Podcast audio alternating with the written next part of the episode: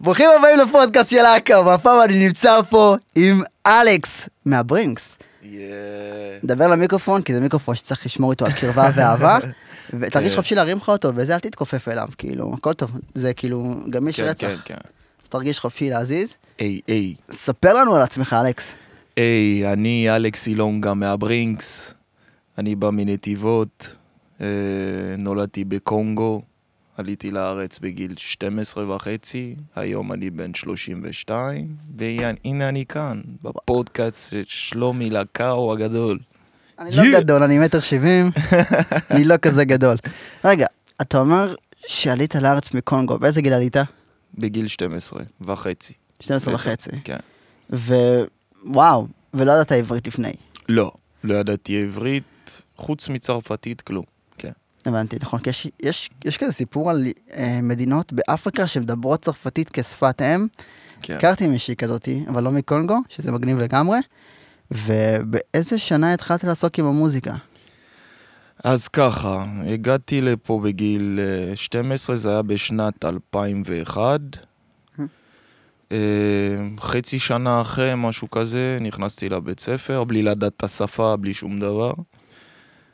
ושם, האמת, אף פעם לא חשבתי על המוזיקה. מה שגרם לי להתעניין במוזיקה זה השותף שלי, אבי נגש. שהוא ה... צלע השנייה בדיוק. של הברינקס. והוא היה שר בטקסים, יותר שירים, אתה יודע. אה, מזרחית וכל מיני. וממש אהבתי את, ה... את העניין הזה שהיה לו קול וכולי, ולאט לאט התחלתי להתעניין. והתחלתי ככה לתרגם שירים של טופק בבית, מאוד אהבתי לשמוע אותו באותה תקופה. התחלתי ככה לתרגם ולנסות לראפ ראפ כמוהו.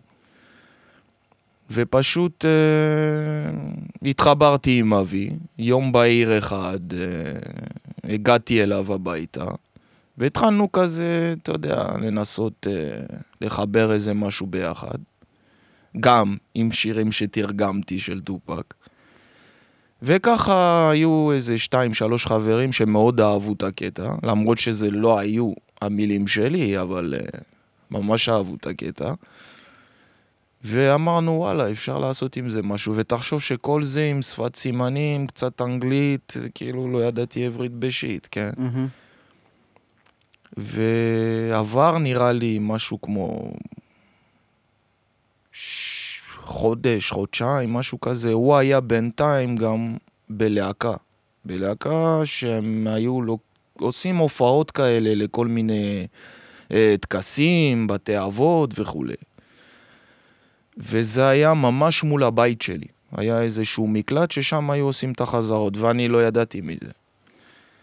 יום בהיר אחד, מישהו מתקתק אליי הביתה, אלכס, מה קורה וזה. אתה יודע, אני לאט לאט כבר התחלתי ככה להבין קצת עברית, כי הייתי גם בין לבין בבית ספר באולפן. אומר לי, תקשיב, מחפשים עכשיו ראפר, מעכשיו לעכשיו יש הופעה בלילה, בערב, בבית אבות, וחייבים ראפר. אוקיי, מה, מה, כאילו, אתה יודע, תוך כדי כבר התחלתי ככה פחות לתרגם את השירים של טופק, לנסות לכתוב בעצמי.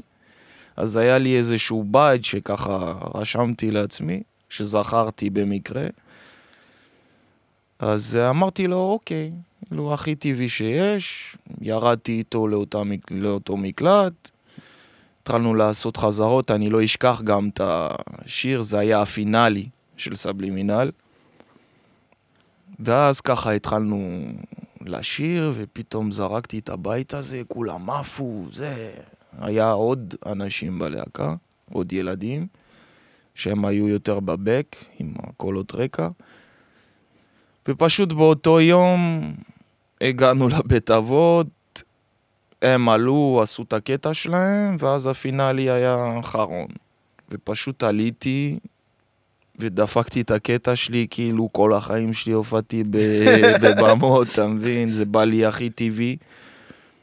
ופשוט אה, ככה זה התחיל. הופעת עם, המילים של סבלימינל או במילים שאמרת לא, שכתבת? ה- המילים שאני על כתבתי. הביט של הפינאלי. בדיוק, זאת אומרת שאתה קודם כל הופעת עוד לפני שהוצאת שיר אחד, כאילו. בדיוק, בדיוק. ואיך זה מרגיש? וואו, זה היה עילאי, אי אפשר להסביר את זה במילים. זה פשוט, הרגשתי שנולדתי לתוך זה. זה, זה גם... פשוט קרה, קרה לי הכי טבעי שיש. כן, אני גם חושב על תמיד שיש הופעות, נגיד שיש לי חברים שהם אה, ראפרים זמרים, הם שרים את השירים שלהם, ואז הם שרים שיר חדש שאף אחד לא מכיר, אז הקהל כזה קצת כזה מסתכל ימינה או שמאלה כזה, ואז הוא בוחן את ה vibe. כן. זאת אומרת שאם עכשיו שרת פעם ראשונה שיר שעוד לא יצא, כי לא יצאת אף פעם שיר, אז זה גם פחות או יותר היה אותו vibe, כזה שיר שאף אחד לא מכיר את המילים, כן, כן. מכירים את המנגינה בגלל הפינאלה, אבל אה, איך, איך הקהל כאילו הגיב לסיטואציה הזאת? אז תחשוב שזה היה אנשים מבוגרים. הם לא באמת עכשיו מכירים את סבלימינל, אני מניח. Mm-hmm. באותה תקופה אני בעצמי לא הכרתי את סבלימינל. מבחינתי זה היה זמר ישראלי, ראפר ותו לא. לא יצא לי להקשיב לשירים שלו. הבנתי. אה, אבל הם ממש אה, נדלקו על זה, כי היו חלקם שגם דיברו צרפתית. למזלי, לא אמרתי קללות.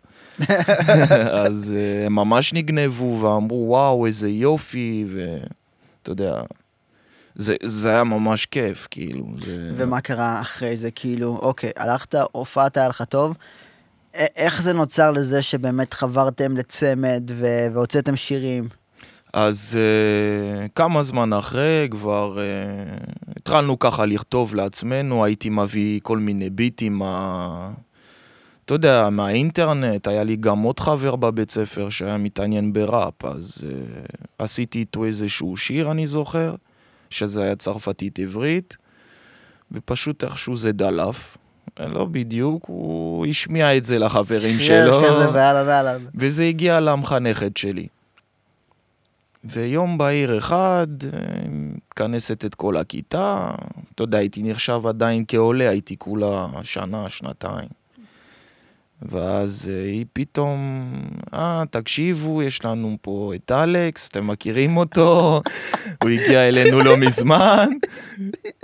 בואו תשמעו. בואו תשמעו מה, מה הוא עשה, אז אותו בחור, אה, קוראים לו גל אהרון, חבר יקר. ופשוט שמה פליי, ווואו, היה שם... זה לא מלחיץ הסיטואציה הזאת? זה מאוד היה מלחיץ, והייתי ממש ביישן, כאילו, וכל הכיתה ככה, וואו, מה זה אתה, באמת. זה היה טיל בליסטי, אבי ישר, הוא היה איתי באותה כיתה, אז הוא בכלל עוד יותר, כי זה שונה שאתה שומע מישהו אחר מוקלט מאשר ב live, mm-hmm. זה תמיד שונה. ואז משם התחלנו ככה לכתוב שירים, התחלנו להיפגש יותר, הוא עם הקול שלו, אני עם ה vibe שלי, והתחלנו באמת אה, לעבוד על זה. ועשינו כמה הקלטות אצל חבר אחר, בני ארמיאס. וואו, הצלם, כן, בני? הוא כישרון מולד. בני ארמיאס, אחד הצלמים הכי טובים שאני מכיר, היה חבר טוב, אדם נפלא. אז תחשוב. שאלות לבני ארמיאס. תחשוב מאיפה התחלנו. שם התחלנו להקליט את השירים הראשונים, כמו רגע של זמן, uh, For You היה עוד איזה שיר. אז זה היה עוד לפני העידן של היוטיוב וכל. מה שיש היום. ומשם התחלנו לעלות הילוך, ואז הגיעו אלינו uh, איזשהו... זה, זה נקרא פסטיבל בשקל. זה בעצם משהו שהשאנן סטריט מהדג נחש, הוא רץ בין ערים, וזה הופעות של כל מיני להקות מהפריפריה וכאלה. ובאותו זמן עבדנו, עבדנו על שיר שנקרא בואי אליי, שאף פעם לא יצא לנו להקליט, והוא היה מאוד להיט בעיר, אתה יודע, מפה לאוזן כזה, היינו שרים בהופעות וכל מיני, חתונות, אבל אף פעם לא הקלטנו אותו עד היום. הגענו לשם, להופעה עצמה, שאנן סטריט היה אתה יודע, שופט וכולי. היו כל מיני להקות, שרו וכולי, ועלינו לבמה, עשינו את הקטע שלנו, והיית צריך לראות את הקהל, זה היה היסטרי. ופשוט זכינו באותו יום מקום ראשון, ובקושי יצאנו מהמתנס באותו יום, מרוב שזה היה היסטרי. וחודש אחרי, פונים אלינו אה, במאים בשם ברק ותומר איימן. אני מכיר את ברק איימן. חבר יקר. אתה יודע שאני מכיר אותו, לא? באמת? אני מכיר אותו, הייתי בקורס שלו, של סרטי דוקו. וואו, טיל בליסטי. כן. אז אה, פנו אלינו, אמרו לנו שיש איזשהו פרויקט שהם עושים אה, סדרה ללהקות, אה, שוב, מהפריפריה, ורוצים קצת לקדם את זה יותר, Mhm. לראות שיש באמת כישרונות בפריפריה. אמרנו, אוקיי, הלכנו, אתה יודע, הכי קולים, הכי זה... הגענו לאולפנים בתל אביב, היו עוד כל מיני להקות, עוד מיני זמרים. עשינו מבחנים, כל מיני, אז באותו זמן היה לנו את השיר בואי אליי ומסר. מסר הוא לא היה גם מוקלט, הוא היה על ביט אחר בכלל, היה קצת... אה, היה מה ללטש עוד. אוקיי. היינו נורא עדינים בשיר. הגענו, שרנו את בואי אליי, סבבה, הם אהבו את מה שהם שמעו, עוד להקות באו, נבחנו, שרו וחיכינו בחוץ, אתה יודע, לקבל תשובה. בסוף אמרו לנו, תקשיבו, התקבלתם, אתם ועוד להקה מקריית מלאכי, דיטורה קראו להם. טוב, סבבה, שמחים, חוזרים הביתה, מספרים להורים, אה, מבסוטים. אני באותו שלב, אני לא מכיר עדיין. אני לא יודע מי זה בדיוק הדג נחש, אני לא מכיר. מהמם. באותו זמן גם אתה שומע הכל ברדיו כזה, אתה, אין לך באמת את היוטיוב, את כן, כן. הפלטפורמות האלה, אתה לא באמת מכיר. אני מבחינתי חדש, חוץ מטופק, DMX וזה, אני לא מכיר אף אחד. טוב, מגיעים לשם, אנחנו והלהקה השנייה, הם uh, עובדים עליהם על איזשהו שיר שהם כתבו, אתה יודע, מלטשים, הדג נחש בעצמם, מסיימים איתם, באים אלינו, נכנסים. טוב, איזה שירים יש לכם? עכשיו, יש לנו כולה אולי שלוש, שתיים, לא באמת. אה, מהמם. שרים להם את בואי אליי, שזה בואי אליי בכוונות אל הכסף, בואי אליי מתוך אמת של הלב. זה היה שיר שנכתב על בעצם אה, בחורות שרודפות ביצה כזה, שכאילו בואי אליי באמת עם כוונות שאת רוצה אותי ולא באמת בגלל הכסף. והיה את מסר, שזה דיבר יותר על גזענות וכולי. כי גם אני חוויתי את זה עוד שהייתי עולה חדש. משהו די מטומטם שאני חושב על זה בדיעבד, אבל אז זה מאוד פגע בי. בכל מקרה, שרנו את השיר, היה לי את החלק שלי בצרפתית, והיה את החלק של אבי הפזמון, ברצוני, כן. כן. את הבית וכולי. זה נמצא עדיין ביוטיוב, מי שרוצה לשמוע. בדיוק. וזה היה נורא עדין, באמת. אה, זה היה נורא, הייתי קורא לזה מתייפייף. לא ניסינו להיות תוקפנים מדי, כן. ו... שמרתם להיות בין השורות כזה. ש- בדיוק. שאנחנו, אתה יודע, שנצא בסדר בכל המובנים. להגיד את זה נורא עדין. השמענו את זה, ואז שאנן סטריט, הסולן של הלהקה, אמר לנו, זה השיר שאני רוצה שנעבוד עליו. ואנחנו כזה, דווקא את זה, יש דווקא את בוא אליי שיכול... לא, זה מה שאני רוצה. אוקיי, כמה שבועות אחרי, וכל זה, זה מתוך סדרה. הם בינתיים, ברק ותומר מתעדים מת- את זה. את זה. נכנסים לאולפן ומנסים, אתה יודע, ללטש את השיר. אה, חפש אותי ברחובות של השכונה, היה לי קטע אחר בכלל, ואז הוא אומר לי, לא, אתה צריך תחפש אותי ברחובות של השכונה, איפה שלא שמים עליך זין, כי שם אני נמצא. ואני כזה, וואו. אני יכול להגיד את זה? אני יכול להגיד את זה, כאילו, הוא אומר, כן, כן, זה מה שאני רוצה שתגידו, תוציאו את כל הכעס. זה צריך לבוא כמו ירייה, ישר. ואז אמרתי, אתה יודע, אנחנו ילדים טובים, אנחנו כזה... אוקיי, זה לא שזה עושה אותך אדם רע, אבל מהמם. איפשהו בפנים, בגלל איך שחונכת, כן. זה קצת קשה. אז אמרנו, אוקיי, סבבה. ופשוט uh, עשינו את השיר הזה איכשהו, ליטשנו אותו וכולי. בינתיים מתעדים את החיים שלנו מחוץ, ובתוך העשייה עצמה, ובסוף יצא השיר מתוך הסדרה שנקראת הופעת בכורה, שהיא עדיין זמינה. ו... זה, זה, אם אני לא טועה, זה הסדרה שצבעת את השיער שלך. נכון. ושמו על את הרצח. וואי, וואי, וואי, וואי. זה היה קטע זהב. וואו, סבלתי את החיים. מאז הפסקתי. אפילו עם צמות אני סובל, אבל לא כמו הסבל שחוויתי אז. אני גם חמצנתי, גם עשיתי צמות וגם עשיתי רסטות, אני יודע בדיוק איזה סבל. וואו. ומשם יצא השיר, ובאמת היה המון תגובות, היו המון הופעות, ו- ותוך כדי גם הכרנו את קלקידן נכון. הגדול. ואז- והיחיד. בדיוק. עשינו איתו גם, אה, יותר לי יצא לעשות איתו הרבה שיתופי פעולה והרבה הופעות. ו... תקופה יפה, הייתי אז בן 15-16. עברתי, עברתי דרך. כן. וואו, מדהים. עכשיו, שאלה לי אליך. במשך השנים שלכם שעבדתם ביחד כברינקס, חוץ מהדג נחש, נתקלתם בעוד אה, אנשים גדולים שעבדו איתכם ביחד? אה,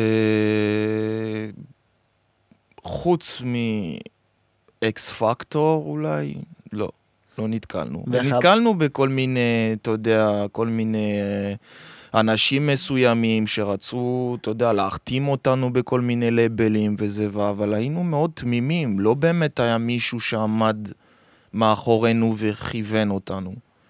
היינו נורא תמימים ונורא פחדנו ונורא, אתה יודע, אז פחות, לא.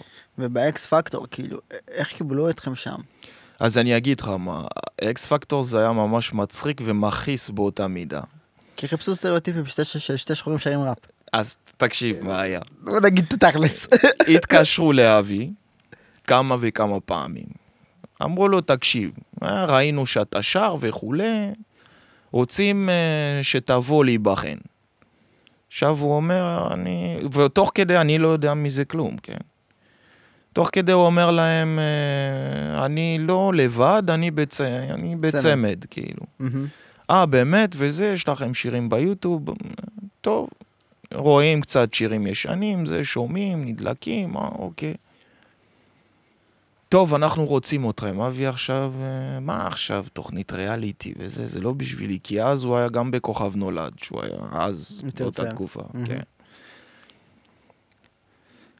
אומרים לו, הוא אומר לו, לא, עזוב, אני לא, לא בנוי לזה עכשיו, בדיוק עובדים על דברים חדשים. באותה תקופה בדיוק חזרנו לעשות מוזיקה, כי היה מין סוג של נתק. אני עזבתי את העיר, הלכתי לגור בתל אביב, קצת לחפש את עצמי, וזה היה אחרי תקופה מאוד לא פשוטה. והוא נשאר בנתיבות, אחרי תקופה הוא גם עבר לראשון, זה כזה היה... נורא נוצר בינינו כזה סוג של דיסטנס, אבל עדיין שמרנו על קשר. לא באמת יצא לנו לעבוד ביחד. בכל מקרה, אומר להם, לא, אני לא, לא בעניין. זה... המשיכו, המשיכו להתקשר, להתקשר, להתקשר. אומר, אתם יודעים מה טוב, אני אתקשר לשותף שלי ונראה מה הוא אומר. אני בשיא העבודה, חום, מרים ארגזים. אתה יודע, חייו של כולי, ראפר. בדיוק, אני אומר לעצמי, fuck, אני, למה אני במקום הזה בכלל? אתה יודע, זה תסכול של כל אדם שעושה משהו שהוא אוהב. כן.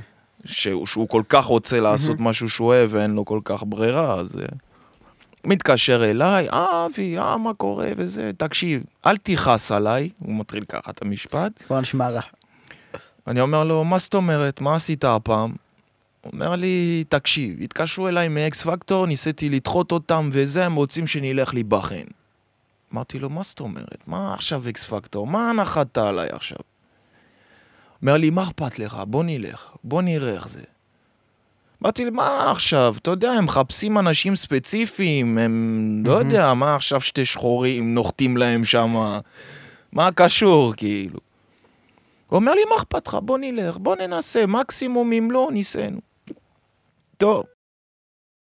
אה, הגענו באמת למבחנים הראשונים, מיליון אנשים, אתה יודע, נבחנים וכל מיני ראפרים, ואתה אומר, fuck, איפה אני, ככה גרגיר קטן, איפה אני, ותראה מה הולך פה.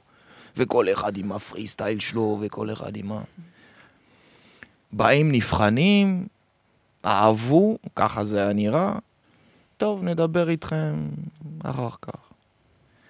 מפה לשם, באים לעוד מבחן, הפעם שזה שום דבר לא בלייבים, באים נבחנים כן, מול כן. השופטים. אה, עליתם שלב, אה, מסתכלים אחד על השני, אוקיי. לאט לאט עלינו שלב, באמת, וזה היה הכי ספונטני, באמת, זה היה הכי כאילו, אם נעבור, נעבור, אם לא, לא קרה שום דבר, היינו הכי אנחנו, הכי אותנטיים.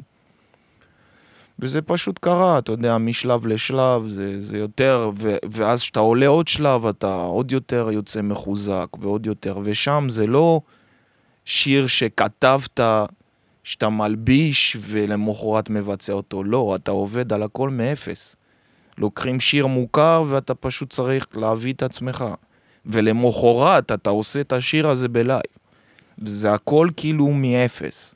זה היה פשוט ככה. אתה מתחיל בבוקר, מסיים בלילה, שלוש, ארבע בלילה, יושן אולי שעה, ולמחרת בלופים. זה היה עבודה מאוד מאוד מאוד קשה. איך שורדים את זה? אה, כוח רצון, זה, אני חושב שהיה לנו את הרצון הזה, היה לנו את הניצוץ הזה, היה לנו באמת את ה... לא יודע, אולי אלוהים נתן לנו את הכוח הזה, אני מאמין שכן.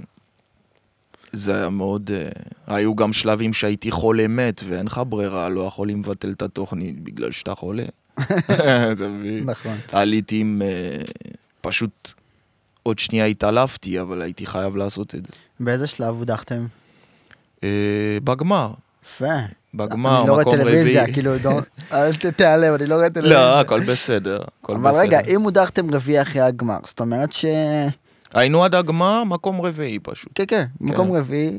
אם- אם- סיימתם במקום הרביעי, ואני מאמין שהשלושה שלפניכם לא היו ראפרים, לא. זאת אומרת שכאילו הייתם צריכים לצאת באיזה בוסט מסוים, שהקריירה שלכם כאילו קיבצה, קיבלה בעיטה בתחת לשמיים, וכאילו, מה קרה אחרי התוכנית? אחרי התוכנית אה, ניסו להחתים אותנו בכל מיני דרכים וכאלה, אבל אה, שוב, היינו מאוד, אה, אתה יודע, פחדנו מהעולם הזה. למה? כי אתה שומע הרבה דברים. אתה שומע הרבה דברים, המפיק ההוא שהחתים א', ב', ג', דפק את הזמרים שלו, אתה שומע הרבה סיפורים, אבל שוב, לא היה באמת מישהו שכיוון אותנו בלי שום אינטרס. לא היה את זה.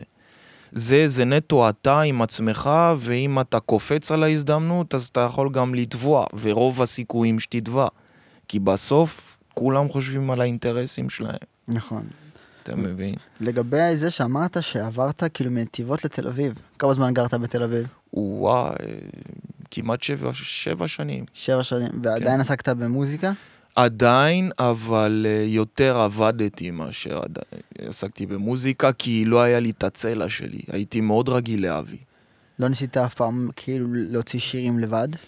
לא, למה? כי פחדתי. כי? הייתי ראפר, תמיד הייתי צריך את ההוא שישיר את הפזמון. אתה לא חייב. זהו. כאילו, אני אה, אוהב את אבי, לא מנסה לה- להפריד חלילה, כן, אבל אני יש מבין. מלא ראפרים שעושים שירים שלהם לבד. אז לא הבנתי את זה. היום למשל, אני כן עושה את זה. יש לי המון שירים, אני בעזרת השם גם מוציא אלבום בקרוב, שזה אני, אם זה בפזמונים, אם זה שירים שלי לבד, עם... אה, עם אירוחים וכאלה. בדיוק. ואיך החיים בנתיבות? אני אגיד לך, התגעגעתי לזה, השקט, ה... יש לך הרבה זמן מהשקט ליצור הרבה דברים. זה מה שהייתי צריך בעצם, לא את הרעש, לא. את הלחץ הזה של כל הזמן, אה, אתה יודע, לעבוד בשביל לשלם שכירות, לעבוד בשביל... פה אתה עובד, וזה מספיק לך גם לזה, וגם, אתה יודע, לעשות את הפרויקטים שלך. לעבוד עליהם באיזי, בראש שקט. אתה מבין? אני, אני חושב על זה שכאילו, אם אמרת שעלית בגיל 12, מה, מה עשית לפני זה בקונגו? גם התעסקת במוזיקה? וואו, ממש לא. אז- התעסקתי בלהיות ילד. לא, האמת, אה, אף פעם לא חשבתי על הכיוון הזה. רק כשהגעת לארץ פשוט אמרת בום, בדיוק, אני רוצה להיות ראפר. בדיוק. כי שם אני זוכר, תשמע, אני זוכר כמעט הכל מקונגו. אה, ש... שסבתא שלי היא רוסיה, מצד אימא. היא עשתה עלייה ל... לישראל, כי היא עבדה אצל יהודי, בעצמה יהודייה, והוא המליץ לה לעלות לישראל. שמה אנחנו עושים שם, גם ככה זו ארץ מפוקפקת, הרבה שחיתויות וכאלה.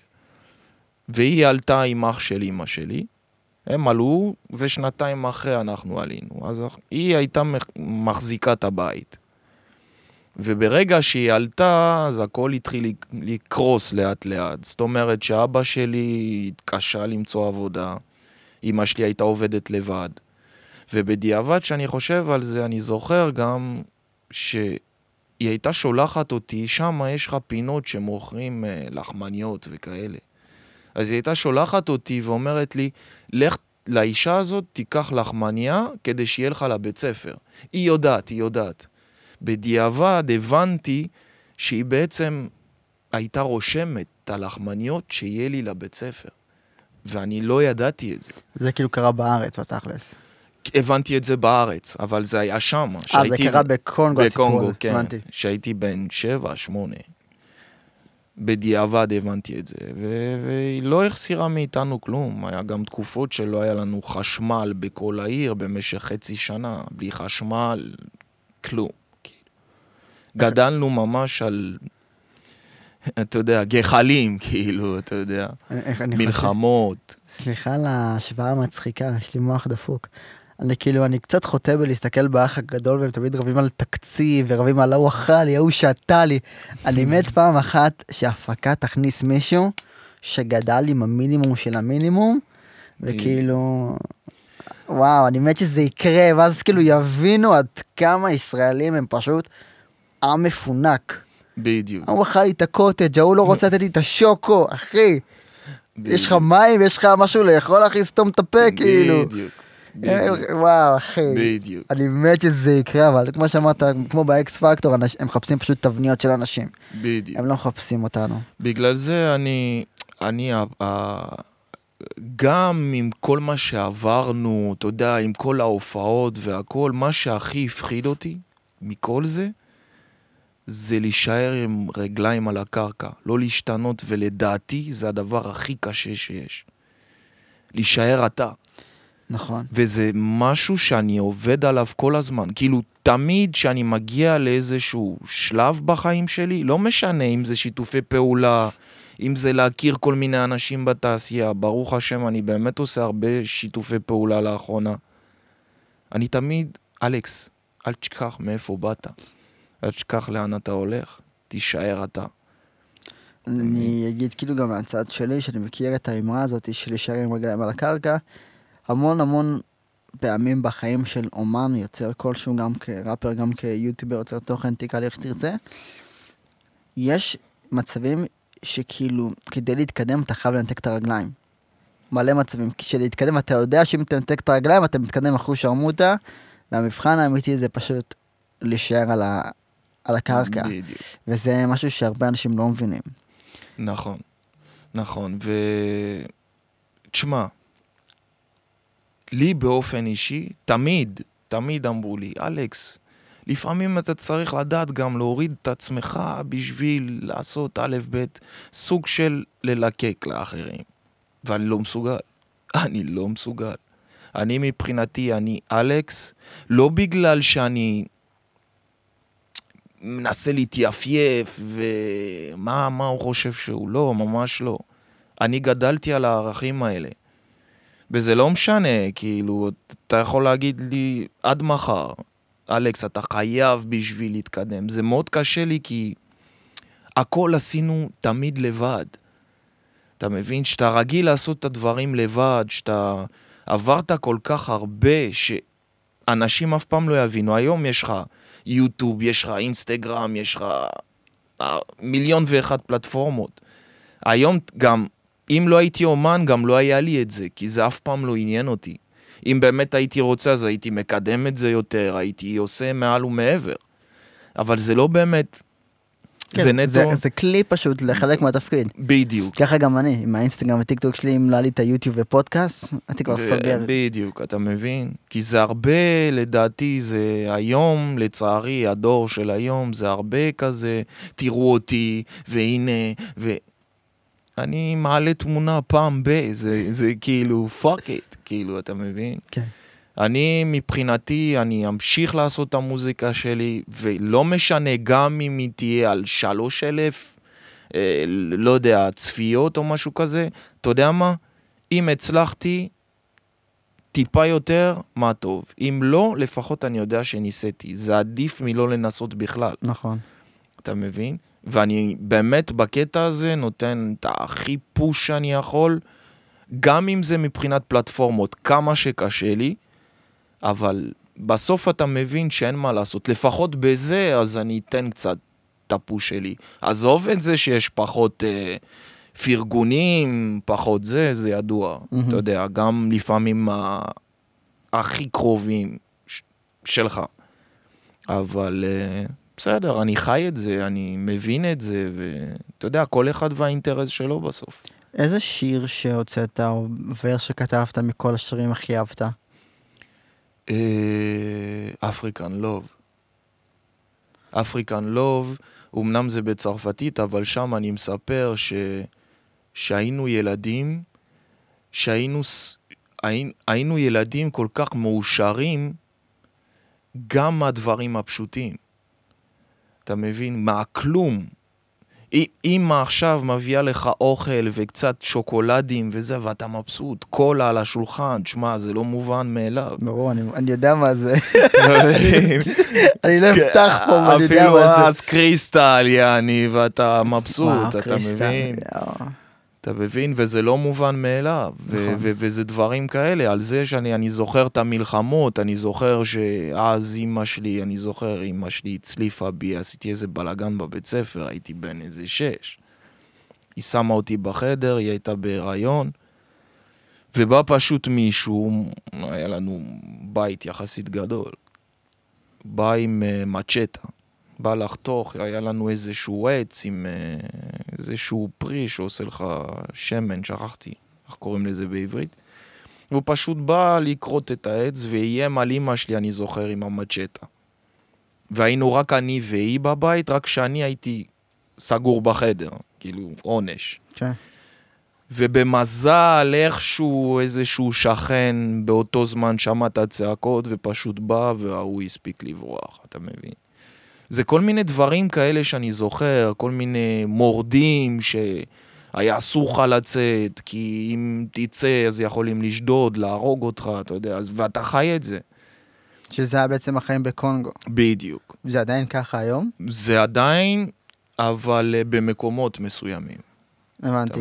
לא, לא בכל הארץ, פשוט בערים מסוימים. בדיוק. ולא הייתי מאז שמה, והייתי מת ללכת לבקר, כי יש לי גם עדיין משפחה שם, אם זה דודים, בני דודים. ולפעמים, כן, יוצא לי להתגעגע למרות מה שחוויתי, כי אחרי הכל נולדתי שם, כן, כן, גדלת שם, זה כל. הילדות שלך. בדיוק. וואו, זה כמו שנסעתי, זה מצחיק, כן? זה מעף על רצח, אבל זה מצחיק. עשיתי סרטון בגיל 24. לא זוכר על מה הסרטון, וכאילו, הסרט... ונסעתי עד לבית הראשון שלי. כשנולדתי, נולדתי בנצרת עילית. וואו. עכשיו, אתה יודע, זה היה נראה לי איזה... שישי אחד בלילה אמרתי כוס סמק, אני נוסע לנצרת עילית בשביל לצלם עשר שניות לסרטון. ולא ידעתי מה היה הרחוב, לא ידעתי כלום, לא ידעתי מה השם של השכונה. ופשוט כזה נסעתי סביב אה, השכונה וחיפשתי את, את, את האזור, כי אני זוכר בזיכרון הצילומי שלי, כי סבא שלי היה גר שם, אז היינו מבקרים אותו עד גיל איזה שמונה, את האזור, ואז שהגעתי לאזור אחי קיבלתי כף, אמרתי וואו. קודם כל הייתי בשוק כשהצלחתי למצוא את המקום הזה והתרגשתי. אה, דבר שני, המקום הזה פתאום נראה לי הרבה יותר קטן, כי אני גדלתי, ואתה זוכר שהכל פתאום עצום ואתה כזה, בדיוק, וואו, זה הרבה יותר קטן ממה שחשבתי שזה. בדיוק. אבל זה, שמע, זה כיף להגיע ל- למקום שבו גדלת. בטח, ואני, ואני בטוח שאני אגיע לשם, ולא רק שאגיע לשם, כי אני מאמין שכל אחד נולד למטרה מסוימת. נכון. ואני מאמין שביום שאני אגיע לשם, אני גם יעזור לאלה שאין להם, אתה מבין? זה תמיד אמרתי. אבל זה, זה גדול מדי להגיד לבוא ולעזור, אני חושב. תשמע, אפילו בדברים קטנים, זה יכול להיות במחברות, זה אה. יכול להיות בעטים, זה יכול להיות באוכל, כן, כן. אתה מבין? וואו, זה, אני, אני לא יודע איך קונגו, זה נשמע כמו מדינת עולם שלישית, אתה מבין? תתפלא, אבל היא מאוד עשירה, ולמה אנחנו מדברים על שפת אם צרפתית? בעצם בלגיה שלטו שם והרגו 14 מיליון איש, שזה אף אחד לא יודע. כי זה קונגו, למי אכפת, אתה מבין? ואת זה אף אחד לא מדבר עליו, אבל כן, כן. הרגו 14 מיליון איש. וואו. פעם ראשונה שאני שומע את זה, אני חייב לציין. זה, זה אתה קשה מבין? כי. מסתירים. כן, כי... אבל אה, כן, זה, זה מדינה אומנם עולם שלישית, אבל היא מאוד עשירה. כל החלקים של הטלפונים, אפל, זה בא משם. מקונגו? כל בת וכל הזהב ויהלומים. אז איך מדינה כזאת עשירה, יש בה תושבים כל כך עניים? שחיתות. אמרת מילה אחת פשוט, שחיתות. סתמת לי את הפה. שחיתות. זה הכל, כן. זה, זה מעצבן. זה מאוד מעצבן, כן. זה, זה, זה מעצבן. לא פייר וזה מעצבן, והדיבורים שלי לא, לא ישנו כלום בקונגו, כן? זה לא שעכשיו אה, ראש עיריית קונגו אומר, וואלה, הוא הפודקאסט שלו, צודק. אה, וואו, אבל, כן. אבל בארץ יוצא לך ל- לפגוש יוצרים מתח- מתחילים שמדברים איתך, ששולחים לך הודעות וכאלה? בטח, בטח, יוצא לי לפגוש הרבה, וזה תמיד כיף, כי הם uh, בעצם uh, רוצים עצות ממך ודברים כאלה, ואני תמיד מנסה לעזור להם איפה שאני יכול. אתה יודע, אם זה מבחינת לכוון אותם נכון, אם זה, אתה יודע, כל דבר. אם זה לא טוב, אני פשוט אגיד להם, תשמע, פה, פה ופה זה לא טוב, מהמם. תכוון את עצמך ככה וככה. ולגבי השירים, אמרת שאתה עובד על אלבום.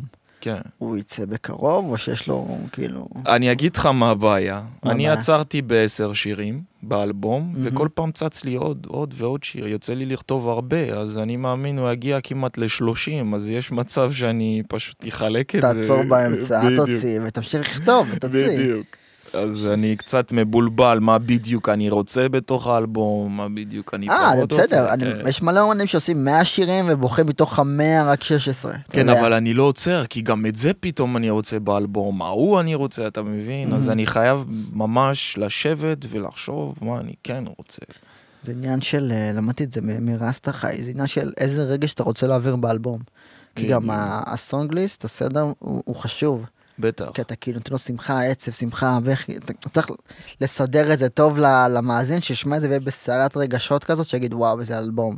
בדיוק. ולא סתם לזרוק לו בדיוק. דברים. שכאלה. בדיוק. והאלבום נקרא Memories, יעני זיכרונות, כמו השיר שהוצאתי לפני חודש, וזה הולך להיות השם של האלבום, וכמובן... אז זה כאילו שיר הנושא בתכלס. בדיוק.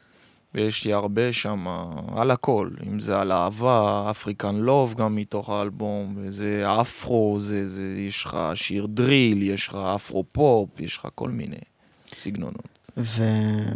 ולדעתך, המוזיקה היום שקיימת בארץ, הז'אנר עצמו, הוא, הוא ז'אנר שאתה כן מתחבר אליו, או שזה כאילו ז'אנר שלא מדבר אליך?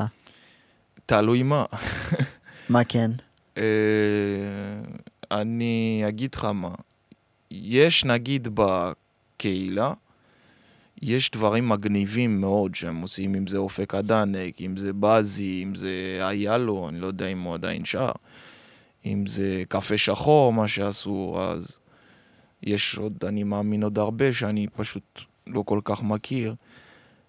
אבל אה, אם אתה מדבר איתי על אה, פופ בכללי, לא, אני ממש לא אוהב, כי פחות מתחבר לזה, בגלל שאין באמת משהו שמדבר תכלס בשירים האלה. אתה מבין? אף אחד מה, מהזמרים הראפרים בארץ לא מדברים תכלס? אה, יש, אני לא אומר שלא. יכול להיות, ש... אני מאמין שכן, אבל אני פחות מכיר. אה, אתה פחות מאזין פחות, לכל הז'אנר. נגיד, פלד, אני אוהב את השיט שלו, כי הוא מאוד כזה, אתה יודע, אה, טדי, אמנם הוא הוושע וזה, אבל הוא חריף. אבל אני אגיד לך הכי אמיתי, בגלל שיצא לי לעבוד עם אדם ספציפי, מבחינתי קלקידן הוא מספר אחד. לא יעזור. זה... קלקידן חד וחבל שהפסיק. חי... חייתי איתו ו- ו- ועשיתי מיליון ואחד דברים איתו ו- וזה בן אדם שבאמת אה, סוג של גידל אותי, הוא, תם- היה, הוא יותר גדול ממני ולמדתי ממנו המון והרבה פעמים אני כועס על זה שהוא נעלם וכאלה. עם כל הכבוד, כן. אתם עדיין ל- בקשר? אה, יצא לנו לדבר לאחרונה אולי לפני חודשיים. חשבנו על ככה לעשות איזה משהו מגניב, ואני מקווה שזה יצא לפ- לפועל. אמן, אה, מה? קלקידן. זה קלקי, הדור הקודם מכיר את קלקידן, הדור הנוכחי לא יודע מי זה. כן. זה קלקי- הקטע. קלקידן משאשא, כדאי נכון. להם לבדוק ביוטיוב. קלקידן. הם לא רוצים שתשתנה כי לא אכפת להם ממך. בדיוק. זה, זה, אתה מבין? זה התוכן שאהבתי, זה, זה, זה מאוד חד. בגלל זה אני היום כמעט ולא שומע שירים ישראלים. אני יותר, עכשיו, נכון לעכשיו, זה יותר צרפתי, זה יותר אמריקאי, קנדריק למר, ג'יי קול וכל מיני.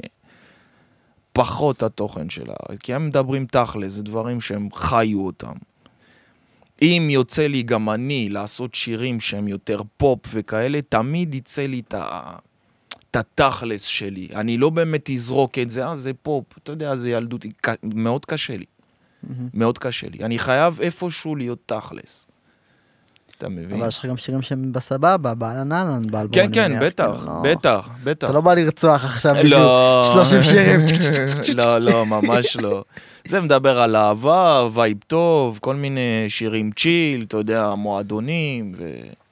דברים מגניבים דווקא, לא עכשיו אה, להיות, מהמם. אתה יודע. אבל שיש שירים תכלס, הם תכלס. אמנם זה יותר בצרפתית, כי אני יותר מתחבר לשפת אם שלי. ברור. כן, לפעמים זה קשה שאתה שר ואף אחד לא באמת מבין אותך, אבל...